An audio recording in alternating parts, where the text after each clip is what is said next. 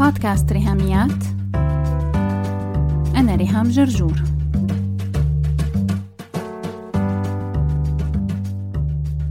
مرحبا. في نكتة عن واحد كان كل يوم بفيق من النوم بلاقي حاله مدهوش. مرة فاق من النوم لقى حاله ما مدهوش قام اندهش. هذا الجزء الثاني من حديثنا عن القلق. لهيك كان لازم هالحلقة كمان ابدأها بنكتة لتلطيف الأجواء. بس كمان نكتة اليوم مو عشوائية. هذا الزلمة هو أنا وإنتي أعضاء نادي ألوء هانم كلنا هيك. لو شي يوم ما قلقنا منقلق ليش منا قلقانين وبهالنادي عنا رياضة سباق التتابع بتمارسها أفكارنا. فكرة بتركض حاملة عصاية القلق بكل حرص وإخلاص. وبتركض بتركض لحتى تتعب. بتسلم العصاية للفكرة اللي بعدها. بتركض التانية بالمضمار. وهذا السباق فلكسبل مسموح للفكرة المتسابقة فيه. إنها ترتاح تاخد وقتها تشرب مي. ومنين ما حبت تكمل بتقوم. وبتركض لتوصل العصاية للفكرة اللي بعدها. بدون ما يكون في عدد أقصى للمتسابقات ولا في خط نهاية لسباق التتابع.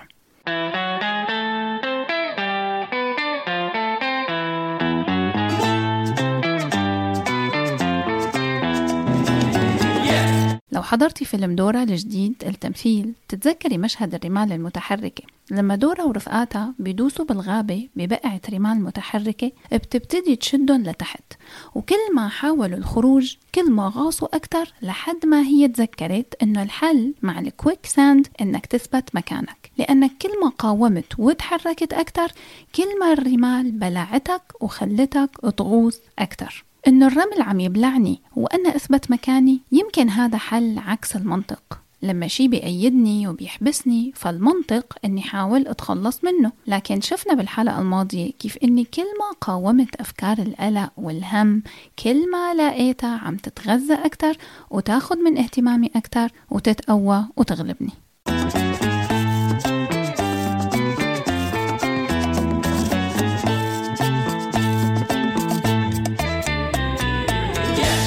حكينا بالحلقة الماضية رقم 69 عن القلق من المصايب ويمكن يلي بيجيب هالأفكار السلبية هو موقف معين أو مشكلة معينة. لكن جربتي شي مرة القلق والخوف بعد حدث سعيد؟ بعد الولادة قمت بالسلامة والحمد لله أنا والبيبي بخير. اترقيت بشغلي ومرتبي زاد. تخرجت من الجامعة وأخيرا مسكت الشهادة بإيدي. أخي المتغرب استلم الجنسية وجاي يزورنا.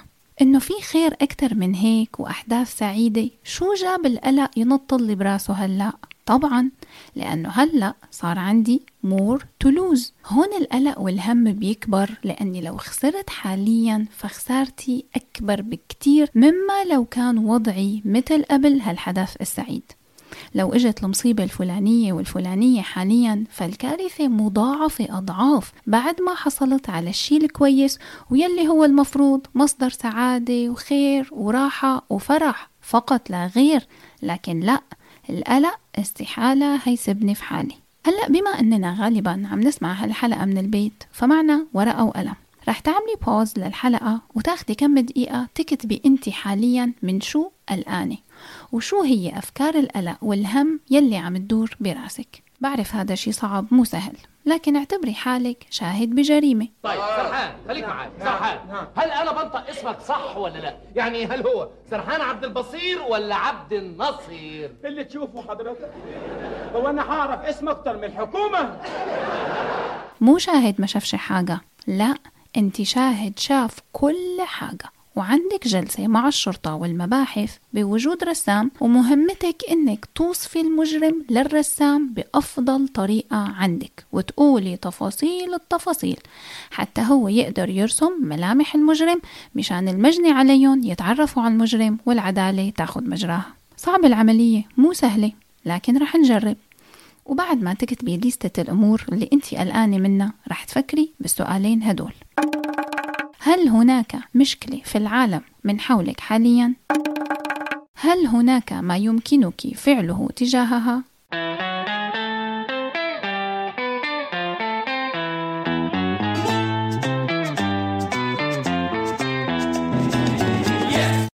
هناك مشكلة ما في العالم من حولك حاليا؟ وهل هناك ما يمكنك فعله تجاهها؟ لو جاوبت لا على السؤال الأولاني يبقى السؤال الثاني كمان جوابه لا العالم من حولك حياتك ظروفك دنيتك ما فيها مشكلة بالوقت الحالي وبالتالي مانك محتاجة تعملي أي شيء مختلف عن روتينك اليومي العادي هلأ لو جاوبتي نعم على السؤال الأولاني نعم هناك مشكلة في العالم من حولي حاليا. فمننتقل للسؤال اللي بعده. لو جوابه لا هل هناك ما يمكنك فعله تجاهها؟ لا فبرضه تمام. ومانك محتاجة تعملي أي شيء لأنه مو بإيدك الموضوع. أو لأنك مو أنت صاحبة القرار. فالمشكلة نفسها سواء طالتك وبتعنيكي أو لا تعنيكي بس هي موجودة بعالمك. فبالحالتين ما في تعملي شيء تجاهها. وأنت جاوبتي بلا. الخيار الثالث والأخير إنك تجاوبي بنعم على السؤالين. نعم هناك مشكلة في العالم من حولي. نعم هناك ما يمكنني فعله تجاهها. طب يلا بينا شو عم تستني؟ قومي حلية وتصرفي بحسب يلي انت عم تقولي انه بإيدك تعمليه تجاه هالمشكلة. طبعا يمكن تقولي لي ثواني بس يا ريهام أنا حابة أعرفك على حالي أنا عضوة معكم بنادي ألو أهانم أهلا أهلا وسهلا تشرفنا. هو الحقيقة بكل تواضع أنا مو أي عضوة بهالنادي لا أنا عضوة شرف نظرا للكواليفيكيشنز العالية عندي بالهم والقلق ما شاء الله. أهلا. أموريني. كيف فيني ساعدك؟ أنا بس كنت حابة أرجع للأسئلة تبعك يا ريهام. ووضح شي كتير مهم. لا ما في مشكلة حاليا بالعالم حوالي بس يمكن يصير مشكلة. ماذا لو حصل كذا وكذا؟ وعلى فكرة احتمال كتير كبير كمان إنه يصير كذا وكذا. وأنا لسه اليوم كنت فاتحة جوجل وعم دور على كذا ولقيت إن هي مسألة وقت ورح يصير حتما كمان كذا وكذا. طيب تفضلي حضرتك نقعد بالجنينة تبع النادي نشرب فنجان قهوة سوا وندردش شوي.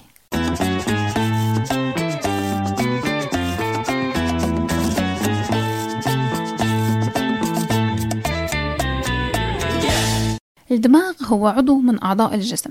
ومثل باقي الأعضاء له وظيفة. يعني المعدة وظيفتها إفراز الأحماض اللازمة لهضم الطعام وتحركات عضلة المعدة مهمة لتقطيع الطعام وامتصاص أجزاء منه بعد التفكك إلى آخره. لما المعدة تجوع وتكون فاضية من الطعام ساعات طويلة أكثر من اللازم يعني لو قلنا يوم يومين ما دخل عليها أكل رح تضل عم تشتغل بس بتصير تاكل في نفسها. بتبتدي تهضم حالها.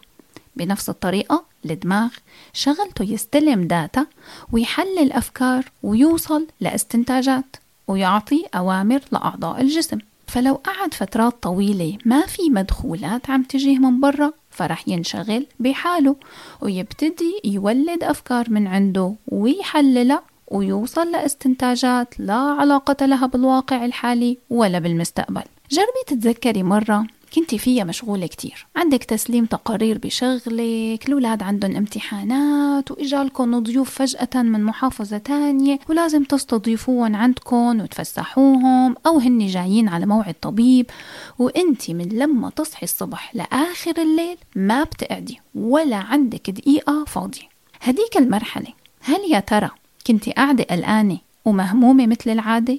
وعندك أفكار مرعبة أشكال وألوان عم تضربي أخماس بأسداس لكافة الأخطار؟ لا كنتي مشغولة لدرجة ما عندك وقت تسمعي صوت أفكارك ولا تركزي تنهمي أو تقلقي وهل صار كوارث بيئية وكونية وانهيارات اقتصادية وفورانات بركانية بهالفترة؟ لا هي هي نفس الأحداث يلي بتصير لما تقلقي ولما ما تقلقي. النيزك يلي رح يضرب الأرض ويحرقنا كلنا. ما قاعد مستنيكي تخلصي فترة الضغط والانشغال ويركبوا قرايبينكم بالقطار يرجعوا على البلد. ولما تفضي تقلقي وتتذكريه للنيزك بيبقى بيعمل شغله وبيدمر الكوكب. قلقك لا بيقدم ولا بيأخر. هو بس بيعطل حياتك وبيأثر على قراراتك وبيخرب جودة حياتك وعيشتك بدون أي داعي أو سبب منطقي. واضح إنه فنجان القهوة عايز له مخبوزات قطعة كيك كروسون لنكمل حديثنا.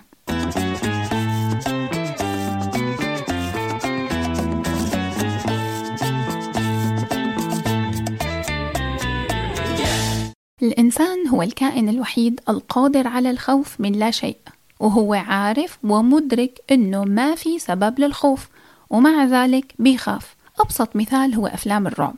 بتكوني قاعدة عم تتفرجي على الفيلم وانت عرفانة مليون بالمية إنه كله تمثيل ومؤثرات سينمائية. وحتى عم تقولي لحالك بصوت عالي هذا تمثيل مو حقيقة ما في شي بخوف. بس متشعبطة بالكرسي وعرقانة وحالتك حالة. شي بتغمضي عيونك شي بتسدي أدنيكي ومو مصدقة إيمة الفيلم يخلص. سواء عم تتفرجي بالسينما مع العيلة أو الأصدقاء ودافعين تذاكر وخروجة مطنطنة وعيب يعني إنك تطلعي من السينما فمحبوسة غصب عنك ليخلص الفيلم. أو لو هالفرجة بالبيت يعني فيك توقفي الفيلم بأي لحظة وترتاحي ومع هيك قاعدة تتعذبي لآخره.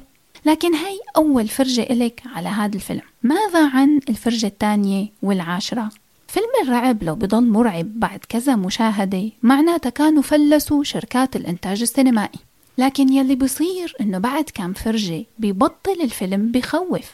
انت بتتعودي عليه وبيصير علاقتك معه فيها نوع من أنواع التطبيع أو ال normalization. كان بالأول فيلم مرعب كأنه خطر رح يصير بس لما تعودتي عليه تحول لمجرد شعور غير مريح. انت بتعرفي الأحداث ومانك متفاجئة ولا قلقانة من يلي جاي. هاي مجرد فرجة على فيلم رعب غير مريحة. فلحتى ترتعبي عن جد لازمك فيلم جديد لأنه فكرة ال novelty والأمور الجديدة هي يلي صادمة وبتعمل تأثير. بنفس الطريقة علاقتنا مع القلق لازم تتغير لنوع من أنواع التطبيع. أنا قلقانة فهذا يعني خطر. لا مع التطبيع أنا قلقانة فهذا يعني شعور غير مريح. ومثل فيلم الرعب القديم ما عاد له مفعول. إنه يكون عندي منبر أقدم من خلاله محتوى يعمل فرق حقيقي بحياة الناس وتحديدا بحياة المرأة الناطقة باللغة العربية حول العالم فهذا المنبر أنا بالنسبة لي بعتبره شرف. وهالمنبر مقسم لثلاث قنوات بودكاست ريهاميات يلي هو مدونة صوتية مسموعة وموقع ريهاميات dot com يلي هو مدونة مكتوبة مقروءة. و YouTube channel ريهام جرجور يلي فيه فيديوهات مرئية. وهالثلاث قنوات بيخدم عليهم صفحة فيسبوك وحساب على انستغرام لحتى حافظ على المحتوى إنه يكون مجاني ويكون كمان قيم من حيث المضمون ومن حيث الشكل كمان والقالب يلي بقدمه فيه بحتاج إني أشتري كتب بحتاج أصرف على معدات وأدوات وكمان بكون عندي اشتراكات والتزامات مادية اونلاين وهالشي ما بقدر أقوم فيه لحالي لأنه بشكل استنزاف مادي بالنسبة لإلي. لهيك أنا حابة أشارككم بطريقتين متاحين ليلي حابب يدعم المحتوى المجاني لبودكاست ريهاميات والموقع وال YouTube channel إنه فيكم تقدموا الدعم عن طريق PayPal أو موقع Patreon سواء بمبلغ معين أو بدعم شهري بيبتدي من دولار واحد بالشهر. رح تلاقوا اللينكين تبع PayPal و Patreon موجودين مع notes هالحلقة وكمان على موقع ريهاميات dot com وشكرا مقدما لدعمكم وتشجيعكم بطرق وأشكال مختلفة. خلونا هلأ نرجع نكمل حلقتنا مع بعض.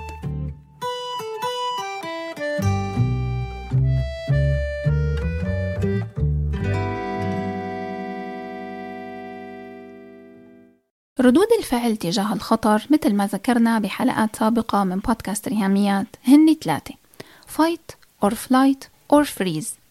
يا بحارب يا بهرب يا بجمد مكاني. لو الخطر اللي جاي أنا قده وبقاوم وبحارب. لو هو كتير كبير فبشمع الخيط والهريبة تلتين المراجل.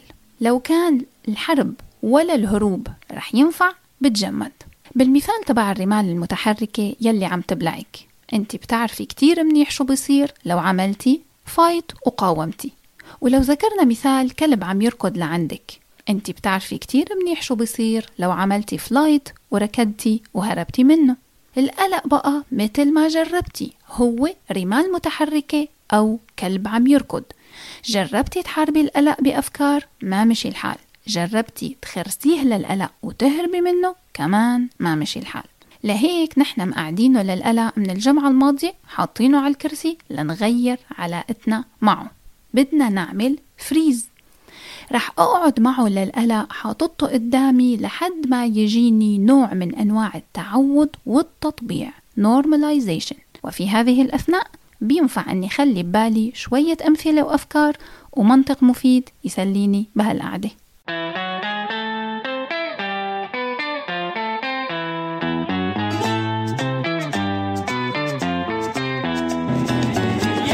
الافتتاحية الشهيرة لأي فكرة قلق ماذا لو؟ What if راجعي السلسلة اللي كتبتيها بأول الحلقة ورح تلاقي كل اللي كاتبتيه يبدأ ب ماذا لو؟ شوفي انت شو لهجة بلدك العربي.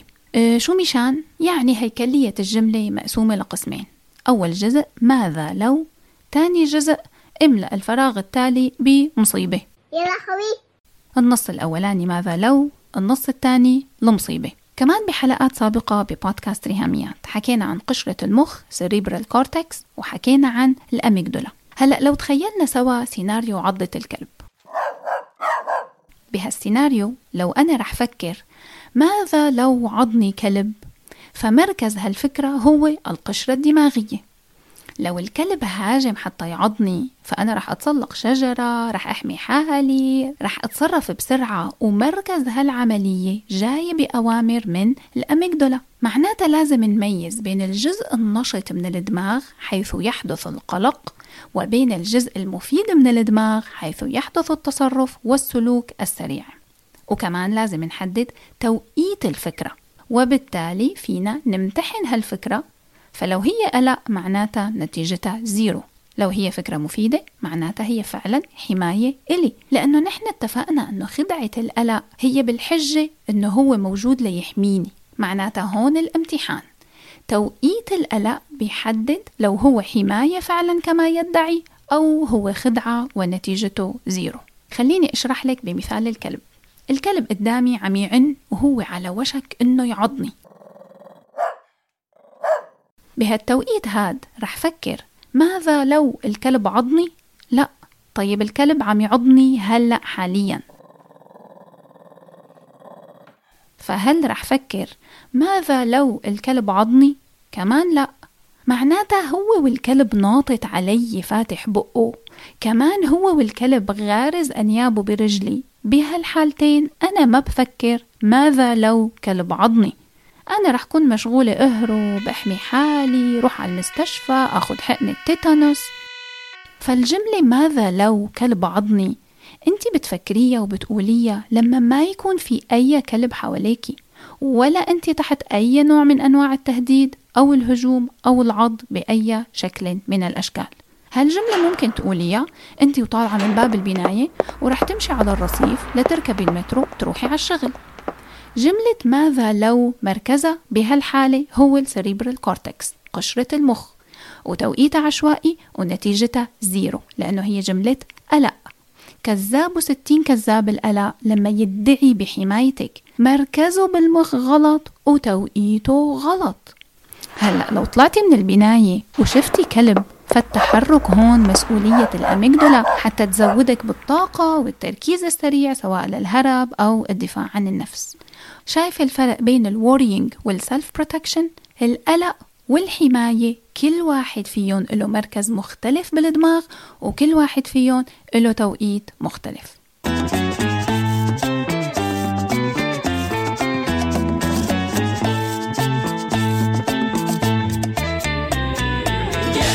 على ضوء ما سبق. تعالوا نترجم كلمة ماذا لو. شو بتعني؟ ماذا لو بتعني هيا نتخيل. اللي انت سامعتيه بمخك. What if هو بالحقيقة let's pretend.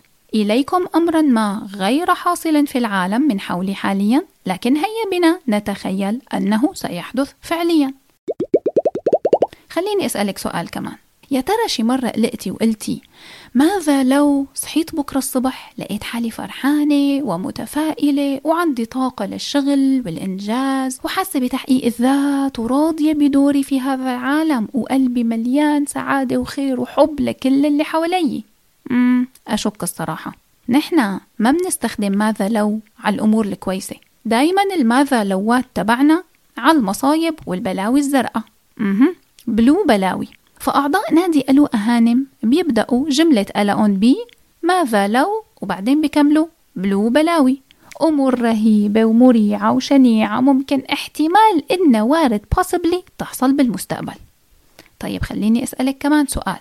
شو هي الأمور يلي مستحيل تحصل؟ إنه ما في أي احتمالية ولا صفر فاصلة صفر صفر صفر واحد بالمية إنها تصير نهائيا بتاتا سابع المستحيلات absolutely impossible. شو خطر لك شي؟